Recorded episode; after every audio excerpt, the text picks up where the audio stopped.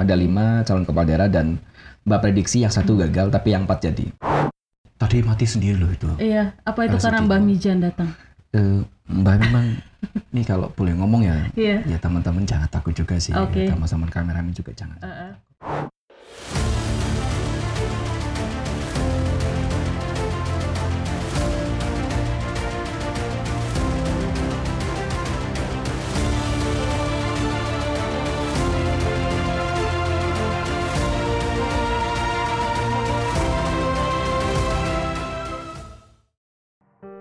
Balik lagi bersama Natalia Lawrence di podcast jpnn.com. Kulik terus, jangan kasih kendor. Dan hari ini di studio aku udah kedatangan seorang tamu spesial, seorang paranormal yang sudah sangat populer di dunia entertain terutama. Ada Mbah Mijan. Sore. Mbah Mijan apa kabarnya? Baik Natali. Natali Baik, gimana ya. kabar sehat?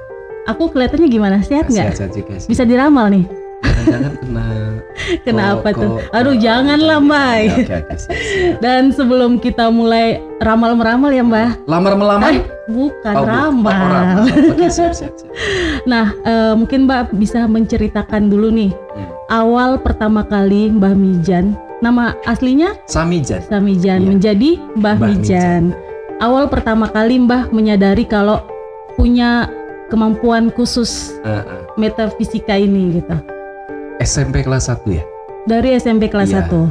Kalau menyadarinya ya, Mm-mm. karena kalau merasakan dari karena itu waktu itu mulai dari kelas 4 SD Heeh. usia 9 eh, 10 tahun Iya, Mbah ceritanya punya teman tapi Hmm. teman yang gaib gitu teman gaib. Hmm. Oke, I- berbentuk apa tuh? Maksudnya eh, tuyul atau Eh, apa gitu? sosoknya serem juga sih Sosoknya serem. kalau analoginya ya gerandong anaknya mak lampir itu Oh kan. ya, Kayak gerandong aja udah serem, anaknya malampir lagi. Oke.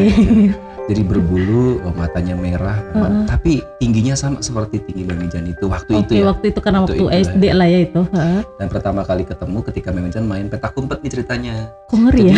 Iya. malam itu Heeh.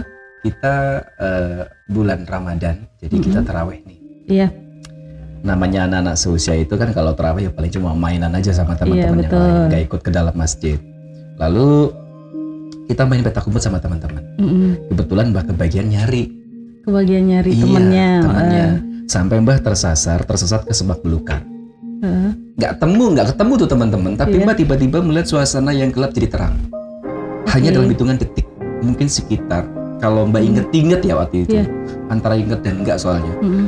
Bisa hanya sekitar 5 atau 10 detik Jadi kayak sekelebat gitu ya. bener Oke. tapi pada saat em, terang itu di di di posisi yang malam Yap. mbak itu ngelihat daun a- daun ranting batang pohon itu jelas banget rumput Oke. jelas banget artinya Iya. kan bener-bener nyata itu jadi Iya, terang cahayanya terang iya banget. benar dan waktu itu mbak nggak tahu apa-apa ya hanya Hmm. sekedar itu apa ya dan mbak nggak ngerti Tapi nggak takut gitu.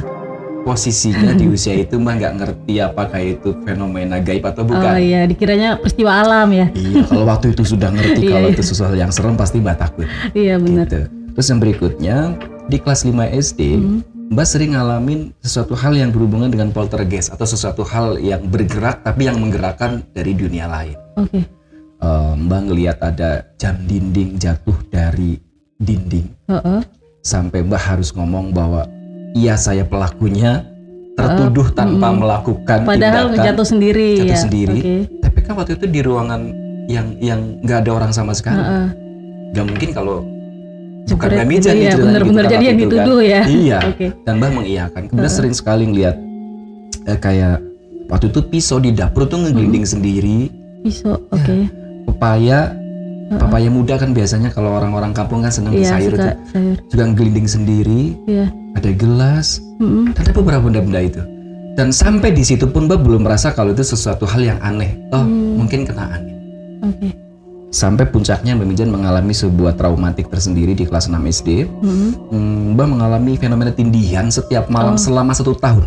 Selama satu tahun. Setahun tiap malam setiap tidur pasti Mbak tindihan. Nggak pernah nyenyak dong tidur setahun ya? Makanya trauma. Iya. Iya. Iya Dan benar. setiap kali Mbak Mijan eh, masuk ke dimensi tidur, Heeh. ke dimensi alam bawah sadar, di situlah Mbak bermimpi.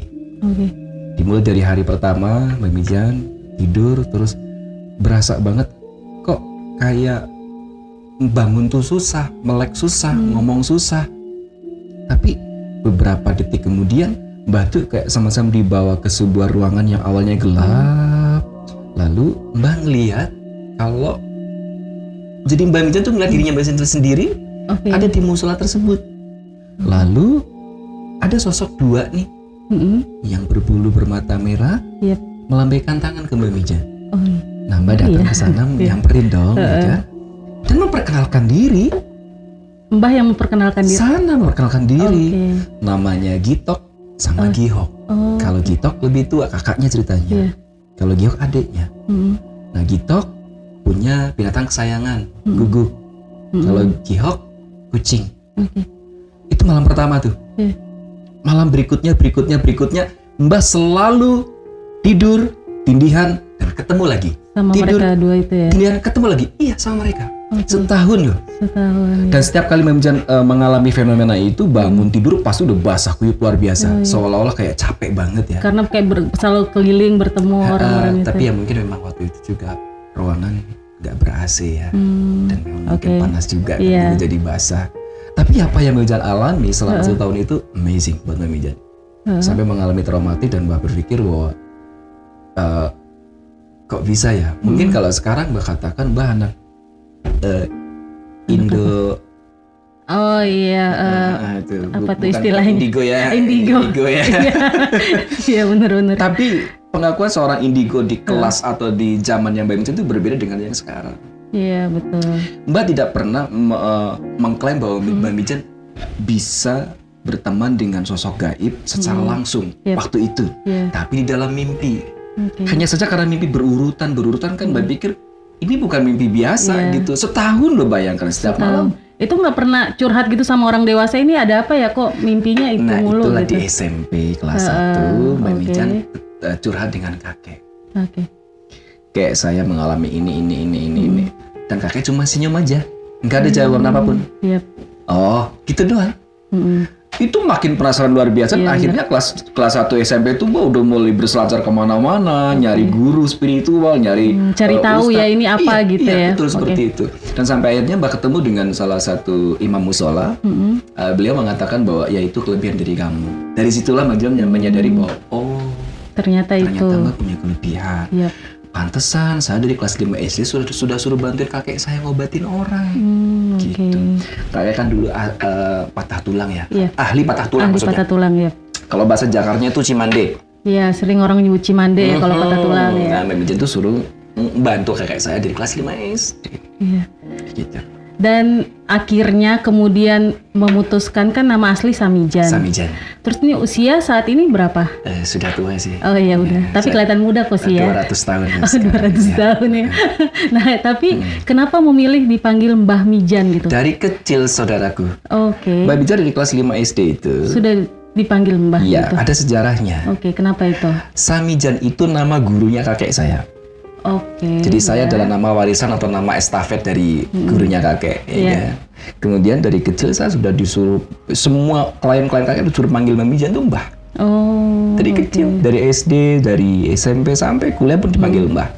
Makanya waktu SD sempat juga ngerasa eh, minder kan gitu Iya. karena dulu udah dicemooh, dibully sama teman-teman Mbak Dukun, Mbak Dukun Iya, iya, gitu. benar-benar. Tapi ya nggak apa-apa. Eh, Mbak Udah pikir, iya, ya. Mbak pikir waktu itu ya nggak berasa juga kalau Hmm. itu sesuatu hal yang sampai sekarang ya. Sampai ke bawah saat nah, ini. tapi pada saat STM dulu Mbak sempat protes sama kakek. Mm-mm. Kenapa Kok tuh? nama saya jelek banget sih ini, ini gitu. Padahal udah lama ya baru baru protesnya sekarang. Anak-anak tahun 80-an kan Bambang, Eko, Dmitri kan Iya, itu iya, catur, Bang Samijan itu kan langsung masya Allah gitu kan. Tapi sebetulnya eh, kakek mau ngomong sesuatu gitu. Itu nama gurunya kakek, kamu nggak boleh Mm, oke. sembarangan, nggak boleh protes. Yep. beliau. Dan akhirnya sampai sekarang, oh Mbak menyadari bahwa nama Mm. ini membawa arti tersendiri buat seorang Mbak Mijan. Nah ini setelah Mbak Mijan sudah mulai menyadari Mm. punya kelebihan khusus gitu, kan ada mulai membantu orang atau mungkin ada orang yang nggak menyambut baik hal itu gitu, maksudnya kayak ada yang protes enggak enggak nggak percaya gitu Oh, dengan keahlian itu gitu. Em, di masa-masa itu ya di masa-masa Mijan mulai mengenal tentang dimensi laduni, dimensi gaib itu, hmm, Mbak pikir sesuatu hal yang wajar juga Iya. dipandang sebelah mata karena ini anak muda yang masih ingusan tiba-tiba Iya. ke permukaan. Anak SMP ya. Nah, Heeh. berbalut gaib. Iya. Em, hampir imbang yang mempercayai 50%, yang tidak mempercayai 50%. Oke. Apalagi melihat bahwa ini bocah ingusan paling cuma ngarang-ngarang cerita. Oh ya dikira sebagainya. bohong gitu Iya. ya. Oke. Tapi ketika satu demi satu apa yang Bebincan katakan terbukti, maka mereka baru mulai oh Mm-mm. eh, kok kok bisa benar? Oh ya? ternyata benar Eh, gitu ternyata ya. benar dan sebagainya gitu. Itu pertama kali kan sudah menyadari nih Mbak. Hmm. Ha, itu kan Mbak bisa mengusir makhluk halus juga. Hmm. Terus eh, bisa meramal masa depan juga. Hmm. Hal pertama yang Mbah ramal ketika masih berusia waktu SMP itu apa Ya. tuh? Kelas 2 SMP Mbak Mijan merasa eh, merasakan sebuah kejadian aneh. Jadi Hmm. waktu itu eh, kayak kekenyangan tidur, Kekenyangan tidur. waktu maghrib Heeh. Oh Mbak iya. kebangun, tapi dalam pikiran Mbak Mijan itu seperti pagi hari. Oke. Tiba-tiba bangun, mandi, pakai seragam sekolah. Iya. gitu. Kemudian Mbak Mijan eh, berangkat sekolah, Yep. tapi nggak ke sekolahan, Terus ke mana? ke rumah Pak RT. Pak RT. Milih ya ke rumahnya Pak. RT ya. Iya. Gak tahu juga apa mungkin karena Pak RT waktu lagi minum kopi di eh, Iya. hmm, apa ya di teras rumah. Hmm. Jadi tiba-tiba Mbak Mijan langsung datang ke nyamperin Pak RT, terus Mbak tuh ngiket apa ya, nyikep kakek kakinya Pak RT. Heeh. Mbak bilang Pak RT jangan pergi, Pak RT jangan pergi. Oke. Mbak nggak bisa dilepasin oleh warga sampai geger. Hmm. Baru bisa lepas ketika dipukul em, cangkir seng yang ada kopinya dari dari Pak RT itu. Iya. Mbak sampai sekarang masih ada pitaknya. Ini bekas dari dipukul. lemparan ah gelas cangkirnya Oh Pak RT iya. itu. Ada sejarahnya berarti itu Iya, pitaknya iya ya? pitaknya ada sejarahnya. Oke. Oke. Terus? Setelah itu, Mbak juga nggak ngerti kenapa Mbak seperti itu. Heeh. Satu minggu berselang, Pak RT meninggal dunia. Oke. Di ladang kepatok ular belang, ular beling yang belang-belang itu dan Iya. nggak ketolong. Oke. Tapi mm, yang Mbak lihat, Hmm. beliau itu memang seperti menggunakan topi Hmm. hitam warnanya. Di penglihatan Mbah itu. Iya, itu. jadi kalau boleh dibayangkan tuh caping tahu, Natali Caping tahu, iya. Nah, caping tapi warnanya hitam. Oke. Itu di atas kepala Pak RT waktu itu dan ke mana-mana ngikut loh. Oke. Capingnya itu. Itu di penglihatan ya. Di penglihatan Mbak Mijan. Oke. Makanya em, Mbak mulai meneliti tentang Iya. fenomena itu. Hmm. Setiap kali Mbak Mijan melihat orang yang ada caping hitamnya, Hmm. Mbak, Mbak, Mbak itu berpikir yang sama seperti kejadian dengan Pak RT ini kayaknya Iya. nggak lama deh, kayaknya nggak lama. Awalnya disimpan dalam hati, eh kok bener, kok bener, kok bener, kok bener sampai eh, kegilaan seorang Mbak Mijan itu di tahun 2010 Iya. awal-awalnya Mbak Mijan masuk eh ya dunia dunia Mulai- media ya, iya, dunia, dunia maya itu karena gara-gara Facebook. Oke. Mbak membuat Facebook di awal pertama tahun 2010, membuat Twitter juga di tahun 2010. Udah Mbak Mijan di situ ngoceh semaunya karena Mbak pikir nulis apa pun Ah, yang Mbah lihat. ya, Oke. Mbak pikir lah orang bukan orang terkenal ini kan gitu. Iya, iya, benar. Ngomongin artis yang wah nggak karu-karuan. Iya. Tapi selalu dengan kematian. Oke. Kematian artis Meramal ini, kematian ini, seseorang. Iya, iya, iya. Dan satu persatu, deal. Itu 2010 Mbah sudah ke Jakarta. Ya, pertama kali Eh. minta ke Jakarta tanggal 26 Februari 2010. Ingat ya? Oh, ingat. Karena itu pelarian cinta itu. Oke. Iya. Oh ternyata mellow juga ya, Iya galau dong. juga Mbah Mijan. Galau. Saya tidak ditolak wanita, tapi saya ditolak mertua. Oh, Karena profesi saya seorang dukun waktu itu kan. oh iya benar-benar. Kamu nggak boleh pacaran sama dukun gitu. Nah, itulah. Akhirnya Mbak Nija pergi ke Jakarta itu karena buat nyari pekerjaan. Iya. Buat ganti profesi. Oke. Tapi Tapi ternyata nggak ganti kan? gagal. Oh, iya. Gara-gara apa? Facebook. Gara-gara Facebook. Kenapa? Mbak bikin Facebook, tiba-tiba ketemu dengan teman-teman lama di SD, di SMP, iya. di STM, di kuliah. Ditanya. Mbak, kamu di Jakarta? Oh, Mutiar saya. Heeh. Semua anak-anak pada merapat ke kontrakan kecil saya. Tetangga kontrakan sampai, loh kok dipanggil manajer masih muda? Udah, udah wis. Gak jadi kerja. Akhirnya jadi kerja, orang wis. makin tahu keahlian Mbah Mijan ya. Nah selama di Jakarta di awal eh, merantau ini Ya, pernah nggak ketika Mbah Mijan biasa meramal gitu ataupun eh, menggunakan kekuatan supranatural lah intinya Hmm. itu ada orang yang protes Apalagi kan orang Jakarta mungkin ada yang galak-galak apa gimana Iya, gitu. Pernah ada nggak kejadian kayak gitu? Ada eh sempat di apa ya bahasanya disomasi tapi bukan bukan disomasi ya lebih diperingatkan gitu. Dari manajemen artis pernah Iya. diomelin oleh artisnya iya. sendiri pernah. Padahal nggak nyebut nama ya. Eh, Nyebut saat itu. Nyebut, Mbak Mijan mah tahun 2010 mah orang Oh, iya, saya. jor-joran ya? Jor-joran. Semua nama Mbak Mijan sebut. Iya. Ya kalau diramal yang jelek sejelek apa pun orang kan ya biasa tuh. Mm-mm. Tapi kalau diramal kematiannya kan ya sableng namanya. Langsung Nah, yang baca iya. deg-degan. Nah, iya. Langsung kepengen keluar rumah. Kayaknya Mbak ini emang agak-agak stres, agak-agak gila kayak Iya. gitu kan. Oke. Ya, ya. eh, contoh misalnya yang paling paling ngebum Hmm. Dan Mbak adalah orang yang mengawali karir dari ramalan kematian memang. Hmm. Mbak masih ingat betul media online satu-satunya yang mengupload, mengunggah artikel tentang Mbak adalah JPN. Wis. Ya, serius. ya. Itu pertama kali. Tahun 2015. Oke. Mbak masih ingat JPNN mencomot cuitan saya dan mengatakan bahwa Mbak Mijan meramal artis inisial O Hmm. akan tiada di Indonesia. Iya. Sementara artis inisial O itu Mbah cuitkan dari tahun 2013. Mbah katakan di tahun 2013 ada artis lucu Kemayu Ah, akan iya. pergi di tahun 2015. Iya. Cuitannya 2013. Yep. Mbah nggak tahu siapa yang mencari saya lewat Hmm. CPNN itu. Tiba-tiba nongol aja tuh berita. Dan betul, Dan benar ya. benar. Huruf O Ramalan itu ya. 2013, kejadiannya 2015. Iya. Tuh. Merinding nih. Saya juga merinding karena belum makan dari siang. Oke. Mbah, Hmm. eh, ramalan Mbah yang paling viral terus akhirnya membuat Mbah makin dikenal oleh warga Indonesia. Hmm. Apa tuh? Eh, S dan JP. Apa itu? Nah, inisial teman-teman artis itu yang membuat Mbah langsung boom sih waktu itu.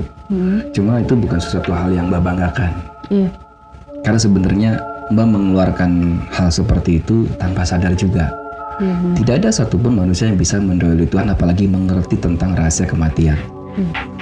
Itu hanya sekedar mengikuti naluri, mengikuti firasat, mengikuti intuisi, insting yang Mbah nggak tahu sumbernya dari mana. Mungkin dari setan, dari iblis atau Mijan nggak tahu, tapi eh, itu antara sadar dan tidak sadar dalam kondisi itu. Mbah kalau sudah ngecuit ya sudah ngecuit saja tidak bisa dihentikan gitu. Sementara ketika benar Mbah sampai sekarang masih menganggap itu hanya sebuah kebetulan. Gitu. Kalau selama ini kan ada orang kayak contoh meramal mereka ada yang lewat air atau lewat mimpi. Iya. Kalau Mbah itu sampai bisa melihat untuk atau meramal itu gimana eh, caranya gitu? Di dalam tubuh kita sudah ada em, bahasa kita ya, elemen penting, elemen laduni, elemen gaib yang sudah disematkan dari Tuhan. Iya. Ada intuisi, feeling, insting, Iya. firasat, naluri. Nah, Mbah biasanya menggunakan itu untuk memprediksi atau menganalisa sesuatu hal. Iya. termasuk bagaimana Mijan menganalisa tentang kejadian-kejadian, kemudian menganalisa kode-kode alam yang berhubungan dengan bencana dan sebagainya itu melalui eh, elemen tubuh itu. Oke. Jadi tidak melalui perantara yang aneh-aneh. Ada beberapa beberapa kali kadang-kadang Mijan harus eh, membutuhkan tarot, tapi itu hanya untuk sesekali aja. Ketika memang oh ini perlu eh, perlu analisa yang lebih yakin lagi. Iya. Jadi sisanya kayak melalui penglihatan ya. Iya. Nah, kalau terutama untuk meramal kematian seperti yang Mbak sempat cerita, itu gimana sampai kok Mbak bisa ngelihat orang ini mungkin eh, akan Eh, Meninggal gitu. itu itu makanya Mbak Jan katakan Mbak juga nggak tahu jadi kalau hal seperti itu nggak bisa jelasin juga Mbak Jan Iya. karena tiba-tiba nongol terus tiba-tiba pengen nulis gitu tuh aneh juga sih gitu kan muncul aja Iya gitu. muncul aja gitu tapi lillahi ta'ala ya dalam hati Jan tidak ada unsur eh, ingin menakut-nakuti atau ingin Oke. ya, membuat mereka parno enggak tapi ada satu hal yang ih kayaknya Mbak Mijan pengen nolong dia pengen bantu dia tapi Mbak nggak punya akses langsung Iya. gitu-gitu dan waktu itu kan posisinya Mbak bukan siapa-siapa juga kan Iya betul. Apalagi Waktu belum terkenal iya, gitu-gitu ya. ya sekarang juga belum terkenal sih Udah terkenal sekarang mah followernya Ini banyak. kan minimal kan 50% orang Indonesia mengenal saya Oh iya, bener bener bener. Eh, lagi menuju ke Heeh. Ki Joko Bodo season 2 ini ya. Oh, iya. Iya. rambut panjang terus dong. Ki Joko Bodo kan nggak ada yang nggak kenal beliau kan? Iya benar. Nah, saya sedang menuju ke sana. Oke. Doakan saja. Ya amin. Nah ini Mbah, ada nggak sih kayak untuk tetap memperkuat kemampuan Mbah, Uh-uh. terus Mbah punya semacam ritual atau mungkin apa ti- sebutannya tirakat? Hmm. Eh, tirakat ya. Iya tirakat, tirakat atau pokoknya ritual-ritual apa gitu yang harus Mbah lakukan untuk mempertajam itu. Hmm, Mbak diajarkan untuk puasa. Oke. Iya, berpuasa di hari-hari tertentu seperti Senin dan Kamis. Mm. Eh, Mbak harus puasa full di bulan Ramadan. Iya. Mbak harus puasa full di bulan Syuro. Oke. Nah, seperti bulan kemarin nih, Iya. em, Agustus September kan di bulan Syuro, Mbak full puasa. Full puasa. Nah, puasa itu Mbak yakini sebagai eh, metode untuk mengasah kemampuan kita. Dan misalnya sedang sedang ada banyak tekanan yang membuat penglihatan semacam kurang jelas. Hmm, kayak tertutup gitu. Nah, ketutup setelah puasa biasanya kebuka lagi, lebih jernih lagi. Oke. Dan hanya saat dua itu aja ya. Mm-mm, mm. Oke. Ada barang pusaka tertentu nggak sih yang harus Mbak simpan gitu? Atau Hmm. peninggalan dari kakeknya mungkin? Oke, kalau benda pusaka sebetulnya Mbak Mijan tidak tidak terlalu hobi ya, nggak terlalu hobi mengoleksi benda-benda pusaka. Tapi kalau benda warisan ada, Apa itu? Nah, Chris, Heeh. Chris eh, namanya dapur tilam upih, Dapur? dapur tilam upih. Oke. Artinya apa tuh? Eh, itu nama-nama Chris, Oh, jenis nama. Oke, nah. oke. Kemudian pamornya Wongkon Isen, nah itu salah satu warisan dari kakek yang ketika dicek di Museum Keris Taman Mini Indonesia Indah, Hmm. ternyata abad ke-17. Jadi keris yang Oh, udah pegang banget itu usianya sudah 400 tahun. Tadi kalau Natali bilang suruh bawa, Mbak Jan bawa. Kebetulan Oke. karena enggak ya Mbak hanya membawa uh, keris kasur aja. Itu kerisnya udah usia 400 tahun. Eh, ada Gak apa-apa kalau nggak dulu gak apa-apa. Iya, keris kasur gak apa-apa. Gue jadi salah mikir. Iya. Traveling ya? Langsung traveling. Iya langsung traveling. Oke baik. Kalau keris itu kan udah usianya berarti 400 tahun. Itu ada? 400 tahun sesuai dengan data Taman ya, Museum Keris Iya ya. ya, oke. Karena kan yang menyebutkan ini abad ke-17 Iya, dari sana pihak ya. dari pihak sana gitu. Eh, dan ternyata Mbak Mijan itu boleh disangkut pautkan ya, boleh di- boleh disangkut pautkan ke Ronggolawe. Apa ya? Karena eh, keris itu salah satu dari keris yang dimiliki oleh Ronggolawe. Oke. Sejarah Mm-mm. Nusantara Iya. yang yang memegang keris itu. Iya. Berarti Mbak Mijan masih ada keturunan darah Iya. darah kotornya gitu, bukan darah biru ya, darah Ya kotor. minimal orang pilihan berarti Ya, orang lah ya. pilihan. Mbak merasa bahwa wow, keris sekarang itu sudah masuk ke UNESCO sebagai warisan eh, budaya, sebagai warisan Hmm. tanda adanya zaman Iya. yang harus diakui oleh dunia. Hmm. Ketika Mbak bisa menjadi salah satu bagian dari mereka dan masih menyimpan keris itu, sebuah kebanggaan yang nggak bisa didilai. Sempat waktu itu ditawar eh, mau ditukar mobil Iya. di taman Jangan eh, di musim itu kan. Iya. Ah, nggak bisa itu nggak- memang nggak ternilai oleh uang. Nggak ternilai. 400 tahun bro. Oh, iya, betul. Pernah komunikasi gitu dengan kayak eh, keris itu harus berkomunikasi gitu nggak sih, Mbak? Mbah sejauh ini kebetulan nggak pernah merasakan keanehan apa pun ketika Mbah punya keris itu. Oh, istri pernah, istri pernah ngerasain yang aneh. Jadi pada saat disimpan di lemari itu bunyi Oh iya. klotak klotak klotak gitu. Oh iya. Nah, hari pertama, malam pertama ditengok nggak ada apa-apa. Istri mikirnya, oh ini kayaknya tikus. Terus dipasang perangkap dong di malam kedua, Gak ada. pagi-paginya. Hmm, nggak dapet tikus, tapi bunyi itu masih ada. Masih ada. Di malam ketiga semakin keras bunyinya. Oke. Pada saat dibuka tiba-tiba sama istri di- didobrak, keris itu melompat dari eh, Oke. Mbah kalau cerita sedih banget ya sebenarnya nih Mbah jadi melenceng ya. Iya. Sebenarnya Mbah karena nggak paham itu apa, Oke. Heeh. terus Mbah simpen keris itu tuh di kardus deket sepatu-sepatu Mbak Mijan itu. Astaga. Subhanallah, Mbah tuh sepatu lagi. nyeselnya sampai Iya, sekarang tuh nyesel luar biasa. Iya. Itu dari kardus itu lompat ke sepatu, plak gitu. Istri lihat Hmm, Oke. dan Mbak bilang, ah kamu tuh halu kali yang Mbak bilang gitu kan. Ya udah sebatas itu dan setelah Mbak Mijan rapikan, Mbak Mbah bawa ke Taman Mini, ke Museum Keris, Hmm. sampai sekarang nggak ada kanan apa-apa. Jadi kalau ada orang bilang katanya Benjan kan punya keris Iya. 400 tahun. Pernah nggak komunikasi dengan isi kerisnya jin yang di dalam? Nggak pernah sama sekali. Oke. Iya. Ini Mbah, sekarang kan Mbah namanya sudah sangat terkenal. Amin.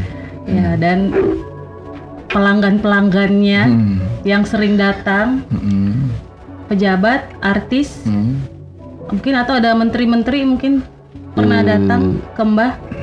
Kalau eh, artis dulu deh, artis dulu yang datang minta diramal sama Mbah. Sebenarnya memang tidak bisa dipungkiri ya kalau di posisi Mbak Bian sekarang mungkin hmm, bukan bukan sekedar orang-orang biasa yang Iya. kenal memang eh ya dari kalangan artis, dari kalangan pejabat, memang sampai ke level menteri ya Iya. ada ada. Cluenya dong. Itu kayak minum belum ketelan kalau cuma bilang menteri doang. Ya kalau kalau cluenya ya eh, nggak bisa. Nggak bisa. Sebutlah eh, kerjanya sehari-hari apa itu menterinya, bagiannya apa. Makan minum tidur beliau itu. Eh, makan minum tidur apa itu? kerjanya Oh itu. macam kenal itu. itu Privacy menteri ya. dong, privacy dong. Oh ya, itu menteri. Iya dong. Kalau artis yang sudah jadi langganan, Wah, clue banyak. aja clue, clue. Banyak, banyak. Yang paling eh, terkenal banget yang yang nggak di clue juga nggak bisa. Ah, banyak, banyak. Oh, banyak. Iya, banyak. Biasanya apa yang ditanyain rezeki, jodoh? Em, kalau teman-teman artis itu, mereka kadang-kadang kan se- se- eh, baru-baru ini aja ya, yang Yep. baru-baru ini aja di era tahun milenial, di ta- mulai dari tahun 2018 sampai ke 2020, teman-teman artis tuh punya bisnis sampingan ceritanya. Oke, ada ya bisnis Sedang kuliner terlalu dan fokus apalah di ya. entertain kan. Jadi mereka tuh konsultasi bisnis ketika ketemu Mbak Mijan. Kalau dulu Iya. konsultasinya popularity, gimana biar terkenal, gimana Oh, biar iya. menjaga kestabilan pamor dan sebagainya. Kalau sekarang lebih ke bagaimana bisnis Bisnis mereka. Iya, gitu. Oke. Kalau teman-teman artis, kalau teman-teman eh, pejabat kayak anggota dewan eh, dan ada beberapa dari kepala daerah, Hmm. mereka cuma pengen ditemenin Mbak Mijan, Ditemenin. ditemenin ngobrol, paling kadang-kadang buka tarot iseng-iseng Iya. sambil makan di mana gitu-gitu aja. Oke. Jadi tidak ada yang istilahnya datang kemudian pengen jimat ini jimat itu. Oh ya, lagian nggak mungkin kasih jimat juga kan, Mbak? Ya, Iya. Ketika datang buka tarot yang penting kan amplopnya kan. Oh iya, mantap. sudah itu. Cukup saya Iya, iya. cukup bos, yang penting amplopnya. Nah ngomong-ngomong amplop, tarifnya dikasih tarif nggak sih yang datang kayak buat Eh, Mbak pejabat? Artis? nggak mungkin menyamakan Heeh. tukang becak dengan pejabat. Oh ya betul. Iya, ya. Tetap harus sesuai porsinya. Iya. Profesional dan proporsional itu Hmm. aja. Kalau ngomong nominalnya ntar malah pada takut. Iya benar. Terus ini kan udah mau pilkada. Hmm. Ada nggak calon kepala daerah yang datang minta petunjuk? Oke, terutama dari luar Jawa, eh, Mbak sudah pegang sekitar lima calon kepala daerah. Oke. Lima. Mereka datang langsung atau? Datang langsung, datang langsung.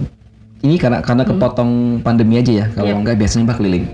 Hmm. Nah, ada lima calon kepala daerah dan Mbak prediksi yang satu gagal tapi yang empat jadi. Oh, clue? Nah, itu gini. Lima, yang satu gagal, yang empat jadi. Heeh. Ah, sekarang jangan bicara dulu. Oke. Sekarang bayangkan kira-kira berapa ya penghasilannya. Karena empat Oh jadi. iya. kan, Oh iya, kan. empat jadi. Bener. Yang gagal satu empat jadi itu Oke. kebayang dong ya kan. Amplop kebayang, isinya apa ya. Tuyul isinya. Oh iya. Terus eh, mungkin nggak ada Gibran apa menantu Pak Jokowi gitu yang bertanya nggak ada ya? Oh, saya berharap Utusan begitu. istana Sa- sa- mungkin? Saya berharap, saya Oh, berharap. berharap, Ya, kalau oke. datang belum, tapi kalau Iya. misalnya mau datang, saya persilahkan. Mm-mm. Mm. Eh, free free konsultasi, Free ritual konsultasi, bayar. ya. Mas Gibran tuh kalau mau datang free Oh konsultasi, ya itu ritual ya. bayar. Nah ini buat pendukung Gibran Ya, sama Bobi Nasution nih, Mm-mm. kan Mbak udah bilang Oh, iya. konsultasi gratis. free, Nah, ya Ritual bayar. ritual bayar. Tapi Biar konsultasinya di belakang, ritualnya Oke. di depan. Iya. udah belajar marketing ya Mbak. iya dong. Kan Mbak Natalia ngajarin gimana sih? Iya bener-bener. Nah itu tadi udah pilkada. Hmm. Capres, capres kan mulai dari sekarang udah banyak yang ribut nih pengen nyapres 2024. Em, sebetulnya Mbak punya pengalaman menarik ya Hmm. di perjalanan politik. Yep. Mbak nggak seneng politik tapi Yep. dekat dengan orang-orang politik. Mm-mm. Pada saat dulu eh, ya zamannya dari Kebumen itu Iya, ya memang sudah akrab dengan dunia politik. oke. Makanya tokoh-tokoh yang masuk ya ya sudah Mm-mm.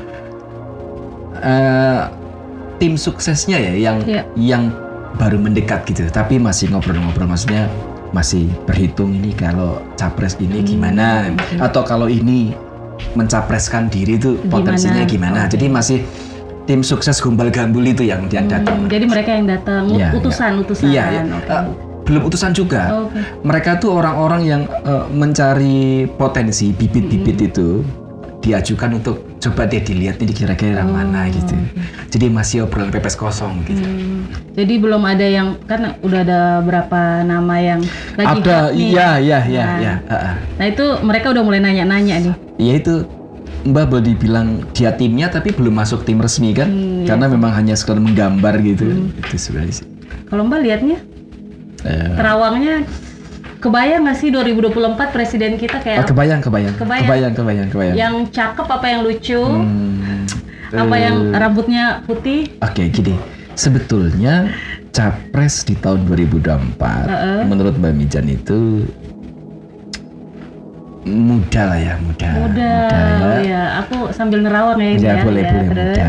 Tapi kita tidak boleh menunjukkan uh, clue yang cukup Signifikan. signifikan Oke. karena memang ini masih meraba-raba, Hmm, semua yap, masih meraba ke depan bahwa kalau pilpres pasti rivalitasnya itu bukan rivalitas biasa. Iya. kan. Kalau udah levelnya pilpres kan yang digunakan bukan jin lagi tapi ifrit kan gitu kan. Oh, iya. Itu kan harus hati-hati gitu. Iya.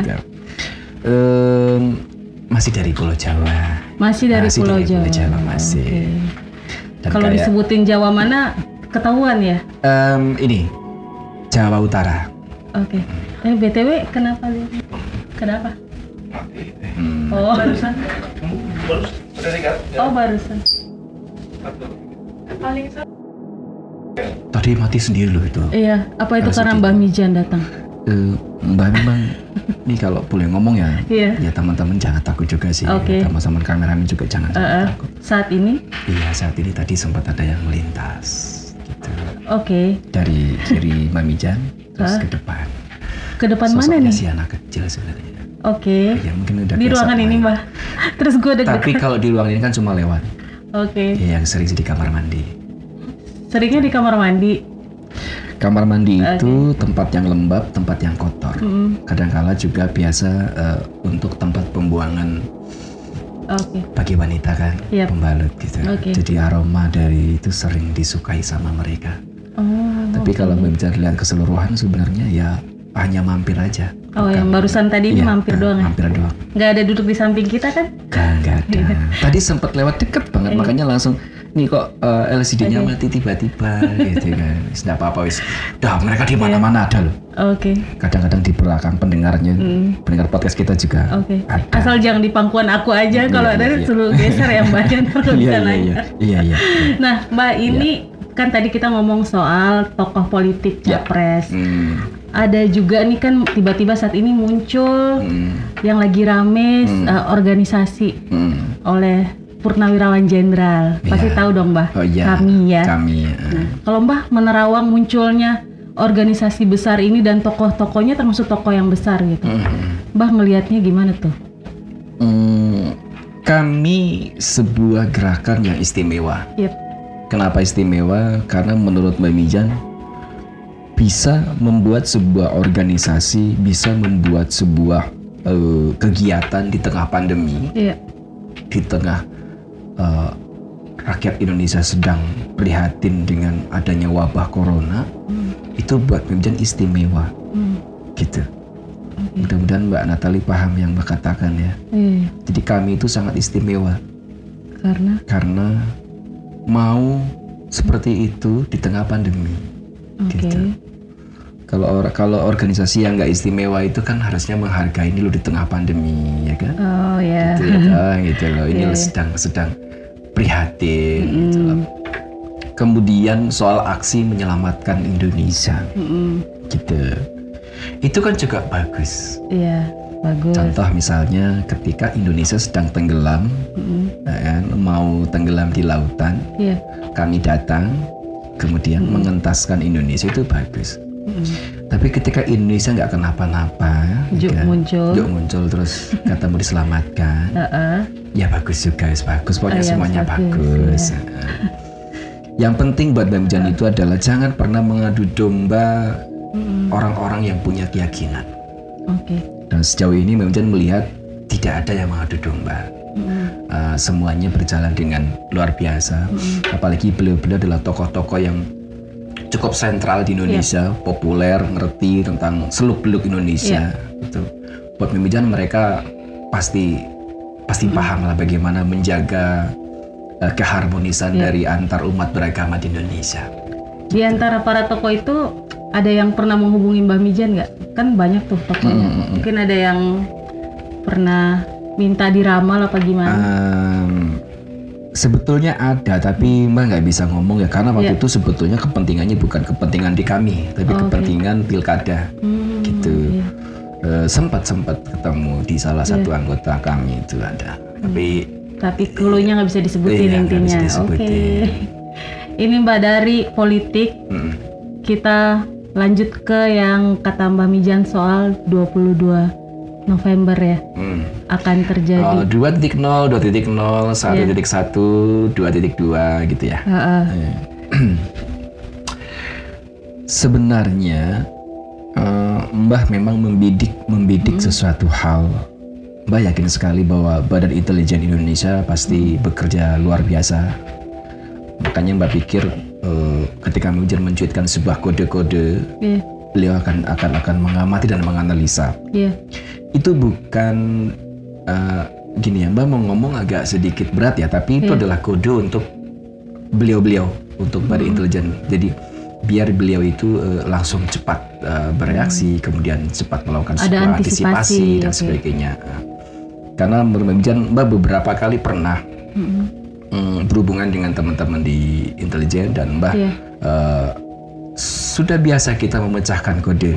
Bahkan kadang-kadang ada satu angka-angka khusus yang harus Mijan keluarkan Oh, sebagai tanda bahwa yuk kita berbenah Harus antisipasi mengantisipasi sesuatu dan gitu. sebagainya. Iya, oh, jadi udah sering sama Bin juga dong ya? sering, sering. Oh, oke. Ya, namanya namanya rakyat Indonesia itu punya hak dan kewajiban. Yap, Haknya kita diberi kehidupan, iya. Nah, diberi kebebasan menganut agama dan kepercayaan. Kewajibannya adalah kita harus membela negara. Hmm, salah satunya Mbah ya itu tadi ya, Iya. membantu. Tanda kita cinta NKRI, Mm-mm. tanda Mbak Mijan pribadi ya, cinta NKRI adalah apa yang bisa Mijan berikan untuk bangsa ini. Ketika memang kemampuan itu dianggap bisa membantu oleh mereka-mereka, Mbak Mijan akan berikan cuma-cuma. Inilah kepedulian kita sebagai rakyat yang cinta NKRI. Iya. Oke. Nah ini kan kemarin sempat ada yang malah menghubungkan kalau eh, apa eh, surutnya air laut di Jepara terus Ya. menghubungkan sama omongan Mbah Mijan soal itu kode 22 November itu. Itu gimana Mbah menyikapinya? Hmm, enggak, sebetulnya enggak berhubungan. Iya. Nggak berhubungan. Bukan mereka yang ngubungin Iya, kan iya. sebenarnya. Netizen itu memang suka begitu ya. Iya. Tapi eh, sebenarnya sebelum undang-undang ITE disahkan, Mm-mm.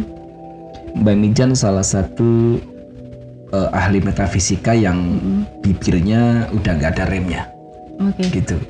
Ngomong itu asal ngomong asal nyerocos. Iya. Kadang ngomong bencana ngomongin daerahnya lah, ngomongin tanggalnya, ngomongin bulannya, ngomongin Iya. tahunnya. Ngeramal artis pakai nama segala, Iya. kadang-kadang inisial, ciri-ciri yang eh, mendekati. Ciri-cirinya mendekati banget. Iya, gitu. kan. Tapi setelah undang-undang ITE sah dan kita harus membuktikan diri bahwa pembicaraan sebagai rakyat yang taat hukum, masyarakat yang taat hukum. Iya. Ketika menyebutkan inisial bisa masuk dalam ah, bahasanya perbuatan yang tidak menyenangkan. Iya. Kemudian ketika kita memprediksi sebuah bencana dengan detail masuknya meresahkan masyarakat, kita hanya bisa masuk ke sebuah kode-kode seperti angka, seperti iya, iya, yang masih sangat samar sekali. Iya.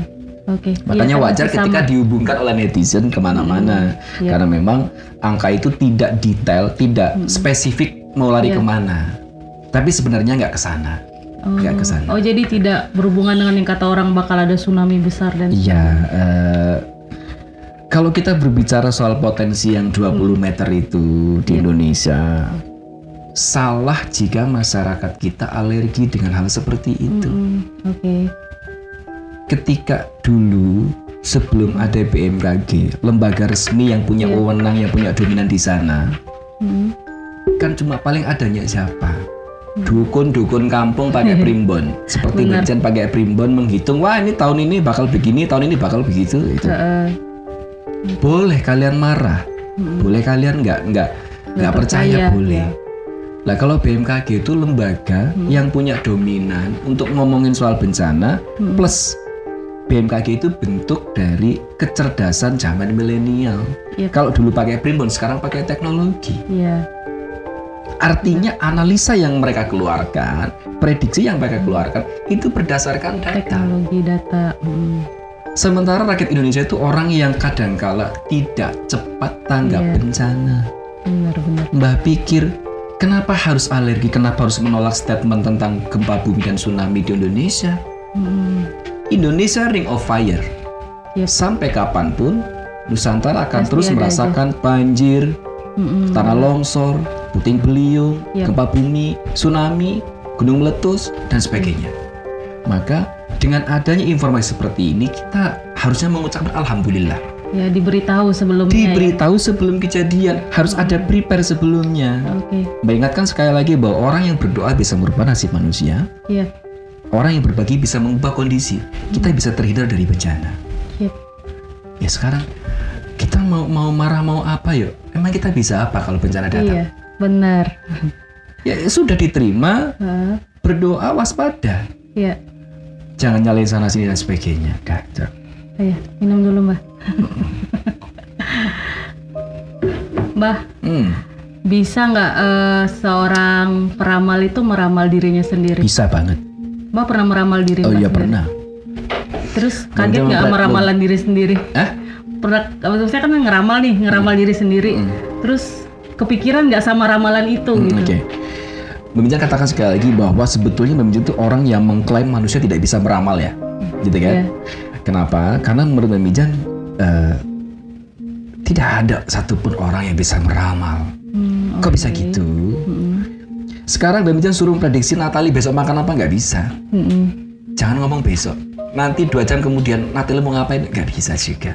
Ya. gitu.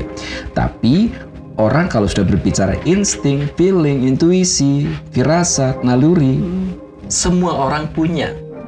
Tinggal siapa yang terlatih, siapa yang tidak. Iya. betul. Ketika orang itu terlatih di nalurinya, di firasatnya, di, vis- di instingnya, di intuisinya, maka seolah-olah dianggap orang yang lebih. Hmm. Gitu. Yap. Nah, sementara ramalan itu punya pengertian secara universal adalah seni menganalisa berdasar menganalisa data Mm. eh seni menganalisa berdasarkan data, feeling, intuisi, naluri, firasat dan sebagainya. Yap. Jadi semua orang bisa meramal. Iya. Betul dan tidaknya Mm. ya itu lain perkara. Jadi Mbak santai aja nih me- melihat ketika Mbah meramal diri Mbah. Ya, Mbak Bican tuh kan gini, kalau berbicara soal apa kita bisa meramal diri sendiri, Mm. ada manusia yang dianjurkan untuk percaya mimpi. Yap. Di dalam keyakinan Mbak Mijan, eh, ketika kamu bimbang dalam sebuah permasalahan, sebuah urusan, Mm. maka kamu boleh sholat istikharah untuk meminta ilham dari Tuhan. Yap. Ketika Mbak Mijan sedang dalam kebimbangan, Mm. Mbak diperbolehkan sholat istikharah untuk meminta kode ilham langsung dari Allah dan itu masuknya lewat mimpi. Hmm, jadi penglihatan dalam mimpi. Ya, tapi kan tujuannya buat diri sendiri, Iya. bukan buat orang lain. Iya. Artinya, kalau boleh diganti jangan meramal deh ya, Iya. tapi eh, Penglihatan. Memperkirakan gitu. Memperkirakan ya. bisa. Kita bisa memperkirakan diri kita sendiri. Karena sebuah analisa itu kadangkala berhubungan dengan sesuatu hal yang real, Hmm. yang fisik, bukan non fisik. Kita ngeliat anak kita juga bisa bisa ngeramal anak kita sendiri kok. Eh, ini bocah baru dua tahun kok udah pinter ya, pinter nari. Hmm. Ramalan kita ke mana? Wah ini Jadi kayaknya penari. jadi, jadi penari. Oke. Tinggal tergantung dong kita mau ke mana. Ini mau penari apa nih kan gitu. Tapi kalau diarahkan ke yang paling luar biasa kan berarti akan menjadi pewaris Hmm. yang melestarikan budaya. Misalnya dia jadi penari daerah, Iya. penari tradisional, apa tradisional ya kan. Iya. Jangan sampai diarahkan ke yang lain lah, jadi penari yang nggak jelas. Jangan seksi dancer, Mbak. iya. Dancer modern malah nari di pinggir jalan nggak karu-karuan. Mbah, Ya. ini eh, soal memprediksikan berarti kan kalau meramal kan bisa ini ya memprediksi ya penglihatan Ah, mbak gini lah, Iya. Mbak potong dulu. iya iya oke Sebetulnya Mbak Mica tidak keberatan dengan bahasa ramalan, nggak keberatan. Iya. Karena sebetulnya perakiraan cuaca sebelum diganti aja namanya ramalan cuaca kok ribet tamat orang tuh Iya, ya. Nggak apa-apa sebetulnya. Ramalan, prediksi, perakiraan, analisa sama aja. Nah analisa mbah Ya. Mijan soal artis-artis muda yang sedang naik daun Hmm. contoh eh, Rizky Bilar Rizky Bilar, sama Bilar, Lesti, Lesti, ya kan mm. terus eh, Billy Saputra Billy. dan Amanda Mm. mana menurut mbah gimana penglihatan mbah Hmm, Mbak udah pernah mengatakan bahwa apa? Kalau Rizky Bilar dengan Lesti itu kan yang menjodohkan tuh netizen kan. Iya betul Ketika Mbak Mijan buka tarot, ternyata oh ini rezeki buat mereka berdua, disyukuri, dinikmati buat karirnya. Ternyata ketika mereka dipertemukan dalam satu acara, Mm. ketemu juga hokinya, Iya. gitu. emang cocok gitu Emang hokinya. cocok nih. Cuma eh, ketika melihat prinsip dari keluarga bahwa mereka masih sangat muda, Iya. langkahnya masih sangat panjang. Dalam arti ada yang mementingkan pendidikan Iya. eh, dibanding tentang asmaranya. Mm. Seperti keluarga Lesti kan Iya. menginginkan ya Lesti sekolah dulu, berkarir dulu, apalagi Lesti berawal dari keluarga yang biasa. Iya. Mbak pikir eh, setiap momen ada waktunya, setiap waktu ada momennya. Ketika ini menjadi sebuah momen, maka sebaiknya yuk coba berkarir sampai titik maksimal. Hmm, baru ketahuan nanti Iya. berdua ini seperti apa. Betul, tapi Mbak tidak menutup kemungkinan ketika memang waiting terus no jalanan Sokulino terjadi ya bisa, Bisa bisa aja saja gitu. gitu. Tapi kalau Mbak lihat dari aura mereka yang saat ini eh, dipancarkan, Mbak pikir mereka masih berteman lah ya. Belum belum ada bayangan mereka Belum akan jadi aura suami istri. aura Ya, suami istri belum ya? Belum belum. Oke. Kalau yang satunya Mbah, yang itu kayak Oke. banyak yang mengira settingan kan ya. Eh, sebetulnya nggak salah juga netizen ngomong itu settingan Iya. karena kan kita bicara dari Billy sendiri sudah berapa wanita yang ditaklukkan dan akhirnya kan eh, Amsyong Amsyong, ambiar ya. Ambiar kan Oke.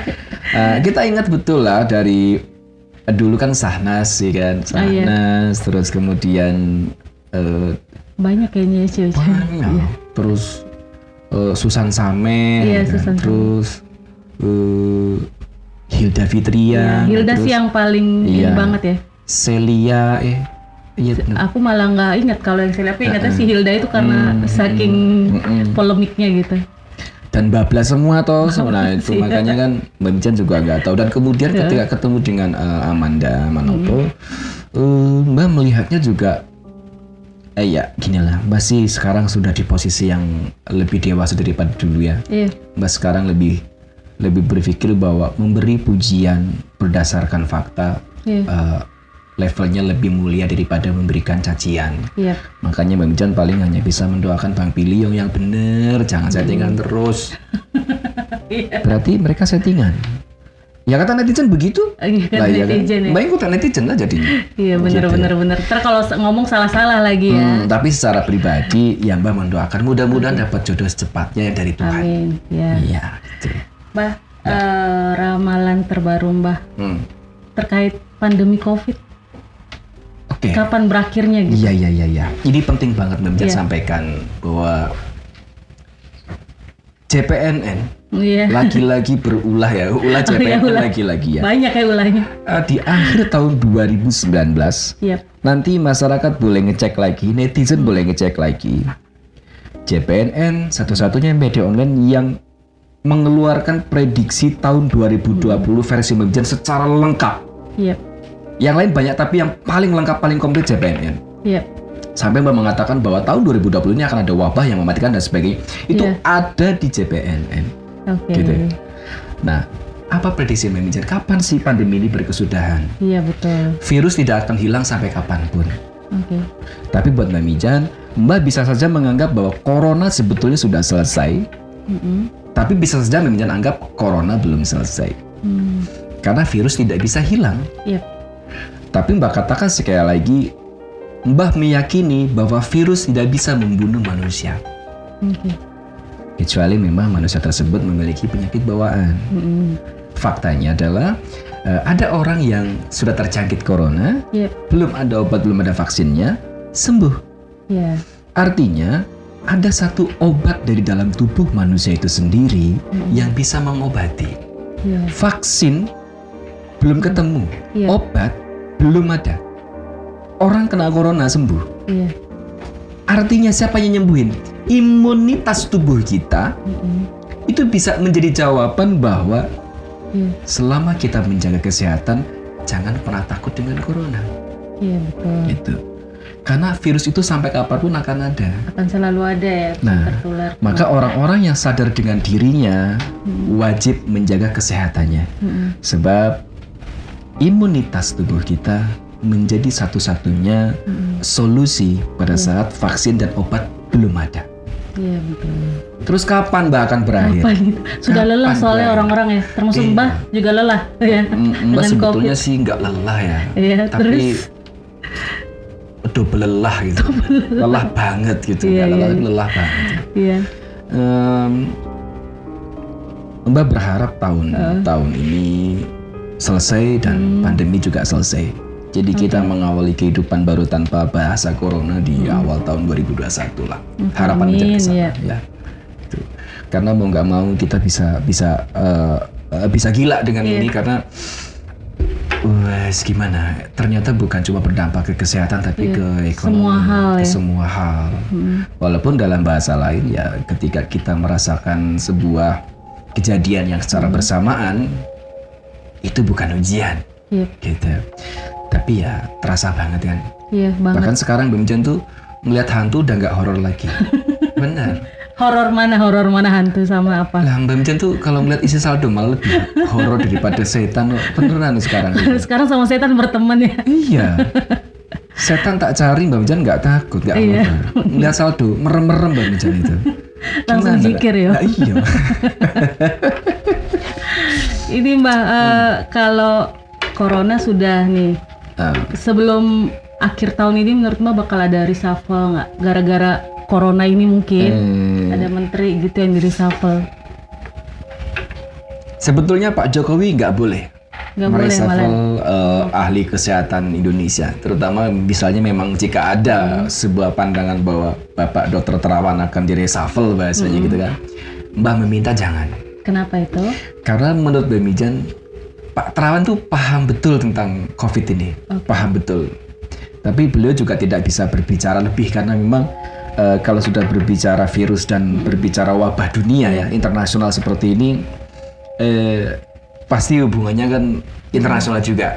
Iya. Itu nggak bisa dibahas secara eh, personal atau mungkin secara intern negara kan. Tapi Mbak pikir Pak Dokter Menteri, ya Pak Menteri Dokter Terawan, Terawan iya. itu paham tentang ini, paham. Hmm, jadi harusnya kalau bisa dia jangan di reshuffle. Eh, jangan di reshuffle kalau perlu em, Pak Terawan ditugaskan untuk ngobrol hati ke hati dengan Ibu Siti Fadilah. Oh, Ya itu, gitu. Kalau biar perlu itu. menemukan lah ya Iya. solusi-solusi. Eh, minimal curhat lah, itu minimal curhat tuh ya. Ini terakhir Mbah, eh, selama pandemi ini Ya. ada yang nyari Mbah minta diramal nggak? Maksudnya sampai berapa berapa banyak dalam sehari gitu? Hmm, hmm, ya Mbak harus mengakui bahwa uh, pandemi berpengaruh ke finansial Yep. semuanya selain berpengaruh ke kesehatan. Tentu mereka lebih berpikir bagaimana mereka bertahan untuk makan daripada itu minta diramal, Oh iya, iya. gitu kan? bener-bener. Jadi Mbak Mijan sangat kesepian sebetulnya ya. Udah nggak banyak yang nyari Iya gitu. kesepiannya sampai ke saldo saldonya itu tuh separah banget ya. Tapi Mbak berpikir ya wes orang ini bareng-bareng Hmm, sesuatu hal yang dirasakan bersama tadi Mbak Mijan katakan itu Iya. bukan ujian. Dan ini bukan bukan sesuatu hal yang harus harus ya s- di di apa ya disesali ya sudah toh Mbak Mijan merasakan sebuah perjalanan di dunia spiritual itu udah belasan tahun ya Hmm, jadi pasang surutnya dunia spiritual tuh paham betul. iya. Ya ini lagi seperti ini ya diikhlasin. Yang penting ikhlas bersyukur. Mudah-mudahan nanti cepat boleh cepat kembali lah. Amin. Jadi semua orang harus kuat menghadapi ini ya Mbah ya. Ya, Mbah katakan sekali lagi Hmm, eh, ini Mbah udah ngomong ribuan kali kayaknya bahwa Mbah selalu bilang mental, mental, mental, mental, mental itu sangat penting. Iya.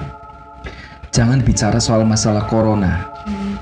Bicara saja soal masalah motormu itu, kalau nggak mobilmu itu, Iya. kalau kamu nggak punya mental yang kuat, kehilangan motor, kehilangan mobil, Hmm, bisa gila. benar. Tapi orang yang punya mental kuat, Hmm, percaya, memang duniawi bisa hilang sekejap mata. iya. tapi dunia bisa dicari gitu. jadi mental kita terus kuat boleh kamu baca berita tentang apa pun itu termasuk tentang pandemi saat sekarang tentang covid-19 saat sekarang tapi kita punya mental yang kuat Iya. kita kembali ke dasar sugesti kita yang positif bahwa ternyata imun adalah obat pemberian dari Tuhan yang sampai sekarang berfungsi sangat kuat untuk menyembuhkan Iya. penyakit ini untuk menghalau wabah ini. Nah, sementara kalau kita mentalnya rusak, imun kita akan turun dong. Terus mau gimana? Gitu. Jadi kalau perlu ya wes ya memang ini bareng-bareng kok yang penting iya. kuat nerimo ikhlas syukur pelihara kesehatan. Ya, Gitu. oke. Terima Siap. kasih Mbah Mijan Oke, sama-sama. sudah hadir di studio podcast Ya. JPN.com. Semoga aku doain saldonya segera terpenuhi ya. Amin, amin, amin, amin, amin. Kemudian juga eh, kemampuan Mbah Mijan dalam supranatural dan membantu orang juga Amin. bermanfaat buat banyak orang ya. Amin. Mbah sudah di posisi yang sekarang itu gini. Mungkin karena sudah di usia yang sudah tua ya. Iya. Eh, apa yang bisa bermanfaat buat bangsa ini akan Mbah lakukan dengan kemampuan dasar seorang Iya. spiritual. Amin. Semoga sukses terus ya amin, amin, Mijan amin, ya. amin, amin. Terima kasih. Dan buat viewers JPNN.com di mana pun kamu berada, jangan lupa untuk selalu menjaga kesehatan dengan memakai masker, menjaga jarak, dan selalu mencuci tangan usai beraktivitas di luar rumah. Jangan lupa saksikan podcast JPNN.com pekan depan bersama saya Natalia Lorenz. Bye!